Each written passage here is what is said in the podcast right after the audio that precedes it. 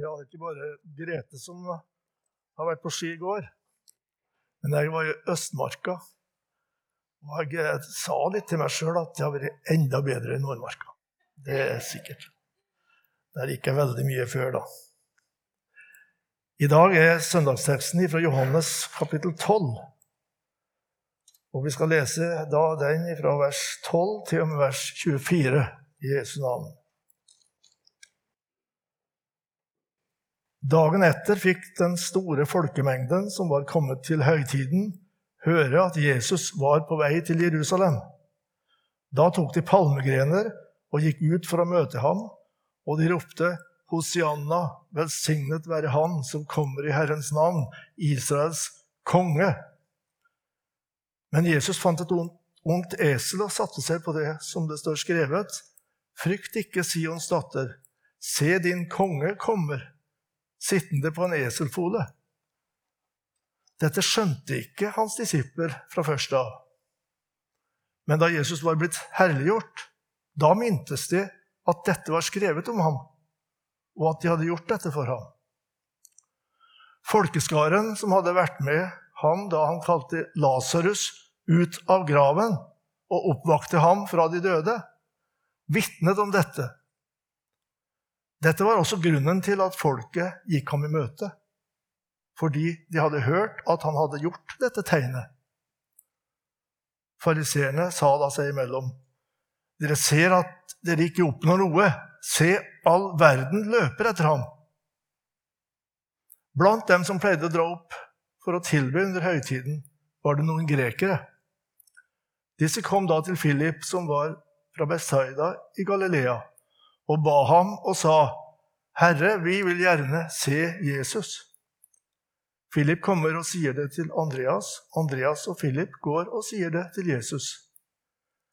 Men Jesus svarer dem og sier, 'Timen er kommet.' Da menneskesønnen skal bli herliggjort. Sannelig, sannelig, sier jeg dere, hvis ikke hvetekornet faller i jorden og dør, blir det bare dette ene kornet. Men hvis det dør, bærer det mye frukt. Himmelske Far, vi takker deg for at vi har sånne fortellinger i Bibelen om Jesus og det han gjorde og gjennomførte og fullførte for oss. Amen.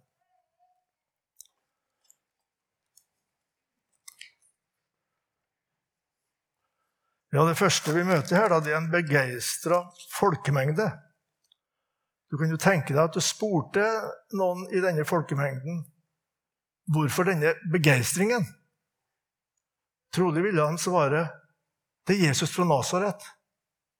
Nå har han vakt opp en mann ifra de døde. Lasarus i Betania. Det virker som det var sjølve den store foranledning for denne jubelen. Folkeskaren som hadde vært der i Betania da han kalte Lasarus ut av graven, vitnet om dette og dette var også grunnen til at folket gikk ham i møte, fordi, hadde hørt, fordi de hadde hørt at han hadde gjort dette tegnet. Og så var det et tegn, noe som sa noe stort om hvem denne personen var. Det hadde de fanga opp. Her var det mange fra Betania som fortalte om Lasarus. Og det var mange mange fra Galilea og andre steder ifra som var kommet opp til Jerusalem det er motbakke, står det her, opp til Jerusalem. Og de hadde hørt om Jesus før. Og nå hadde de fått høre om dette klimaks i disse, denne serien av undergjerninger som Jesus gjorde. Oppvekkelsen av en død mann som hadde ligget fire døgn i grava. Og det gikk ord om dette, og de sa han er vel Messias. Velsignet være Han som kommer i Herrens navn. Israels konge. Messias er kongebetegnelse. Men vi aner også frustrerte motstandere i denne teksten. Fariseere, rådsmedlemmer. Det høye rådet hadde allerede blitt kalt sammen like etter at dette skjedde med Lasarus, står det i kapittelet foran. Og da sa de til hverandre, lar vi ham holde på slik, vil alle tro på ham. Vi risikerer et oppløp av folk. Vi risikerer problemer med romerne, sa de. En ledende romer i området, nemlig Pontus Pilatus, han registrerte noen ting seinere. Det var av misunnelse de hadde overgitt Jesus til dem. Så det var ikke bare redselen for romerne. Men det var den gangen at øverstepresten Kaifas sa disse helt spesielle orda at det er bedre at ett menneske dør for folket, enn at hele folket går til grunne. Og Johannes forteller det. Han kommenterer det og sier han sa det, og han sa det profetisk. For han var øversteprest det året og profeterte om at Jesus skulle dø for folket, sier Johannes etterpå. I kapittelet vårt så begynner det med et festmåltid som de arrangerte for Jesus i Betania. Det står det at de laga til et festmåltid for ham. Så Jesus var hovedperson. Og så var det en hovedperson til, og det var altså Lasarus. Men også under det måltidet er det en skygge fra aggresjonen imot Jesus. For Jesus kritiserer de som kritiserte kvinna som salva han. Salva hans føtter med nardussalve, står det. Maria. Og så sier Jesus, 'Hun har gjemt den til min gravferd.' Hvis de virkelig lytta og tok på alvor, så måtte de merke en uro. Vil de ta Jesus ifra oss? Jesus sjøl visste hva som kom til å skje. Og like før, altså mellom den fortellingen om festmåltidet i Betania og det vi leste, så står det Yppersteprestene la planer om også å drepe Lasarus. Fordi mange av jødene gikk dit for hans skyld og trodde på Jesus. Så det ligger altså en spenningsnivå i denne sammenhengen her palmesøndag som vi ikke uten videre tenker over, kanskje, når vi leser om jubelen omkring Jesus. Men de som var informert, de kjente nok på denne spenningen. Riktignok var det tydeligvis en del av Jesu motstandere som var mer moderat, og usikker på om det var klokt å velge den radikale løsningen dødsstraff. Men de fikk høre det. Dere ser at dere ikke oppnår noe.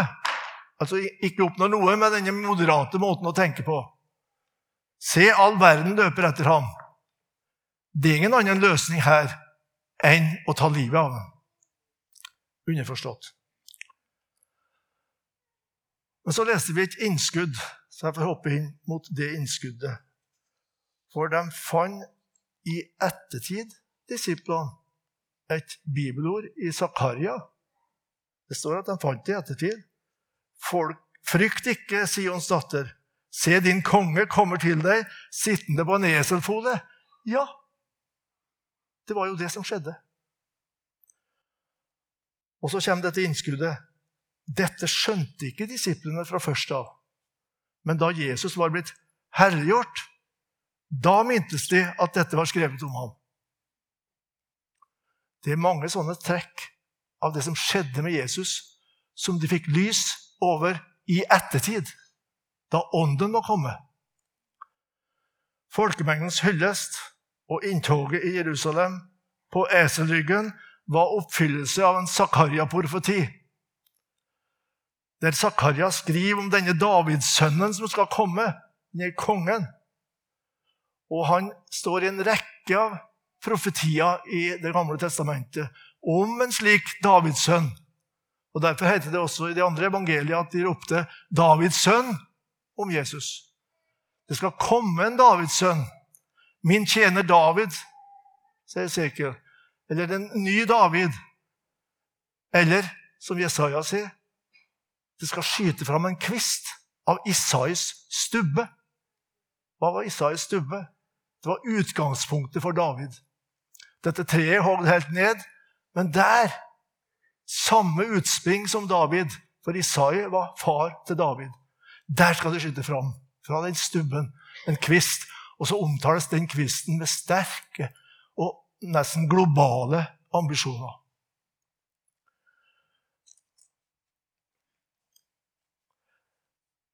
Kongen Pilatus han fikk laga en innskrift på korset der det sto 'Jesus fra Nasaret, jødenes konge'.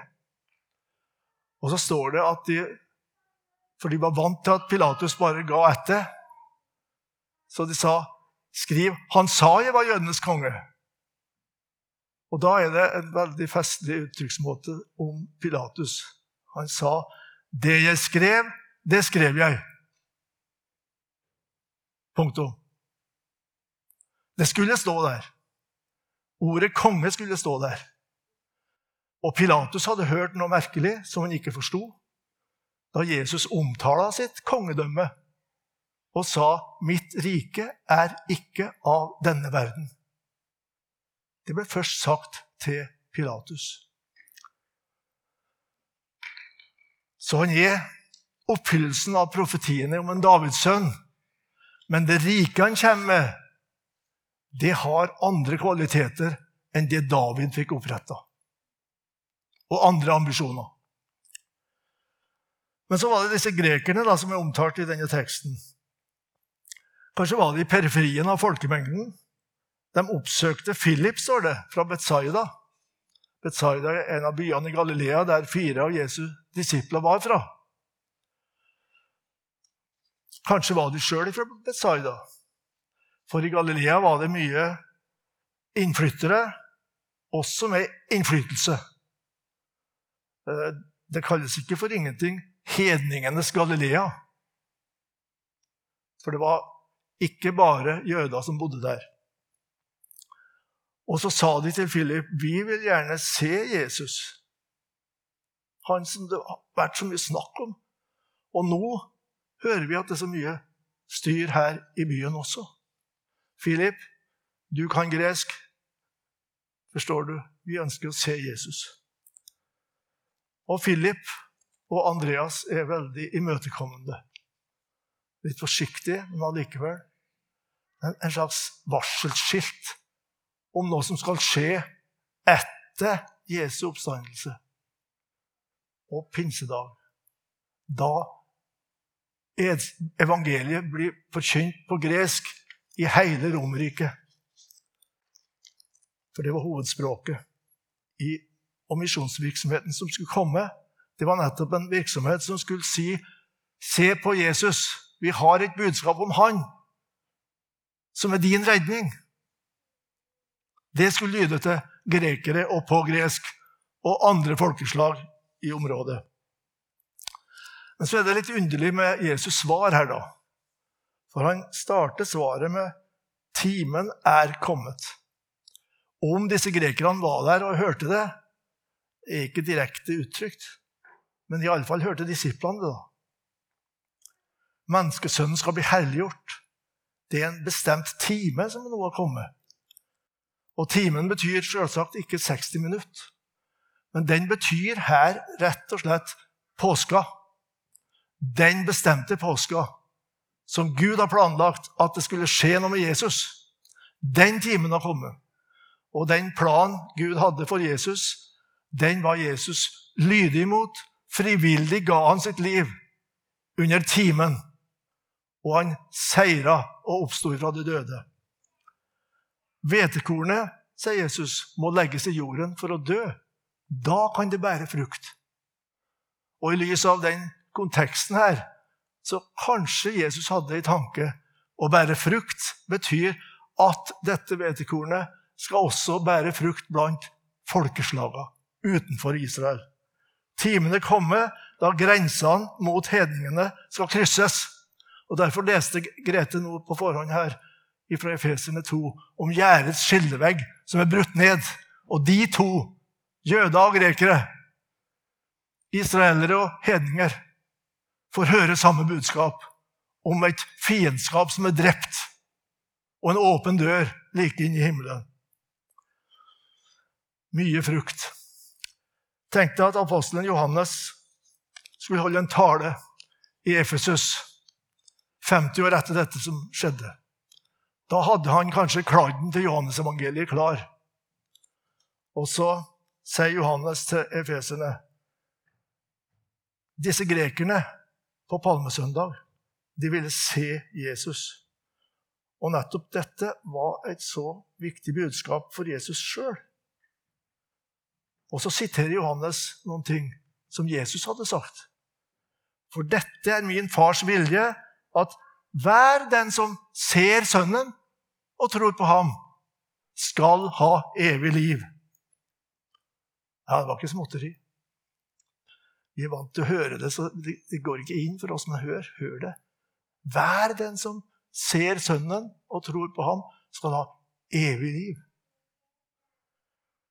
Og kanskje sitere Johannes til efesene fra samtalen med Nikodemus, der Jesus sa liksom Moses opphøyet slangen i ørkenen.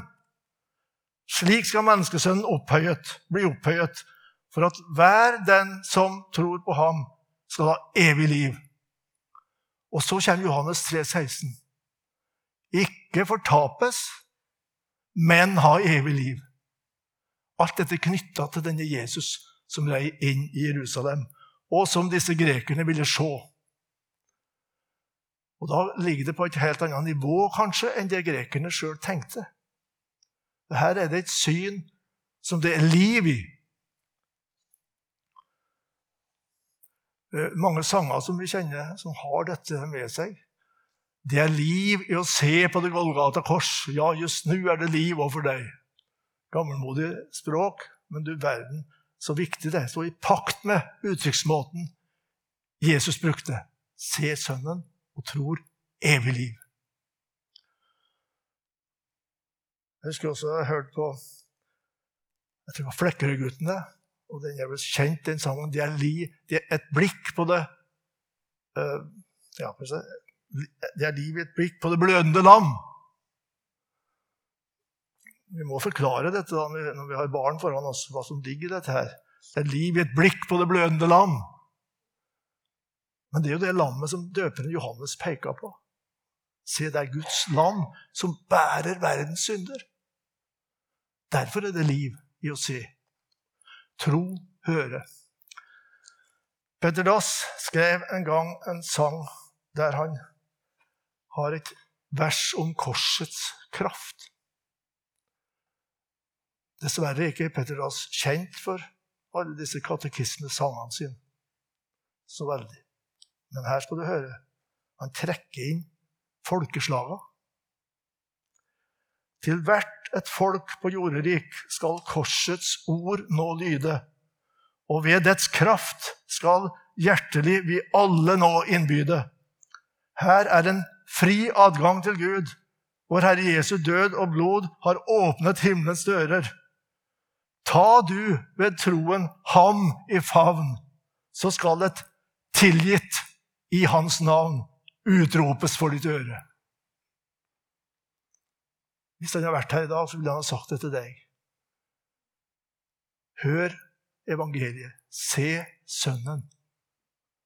Og hør det lyder for ditt øre et tilgitt.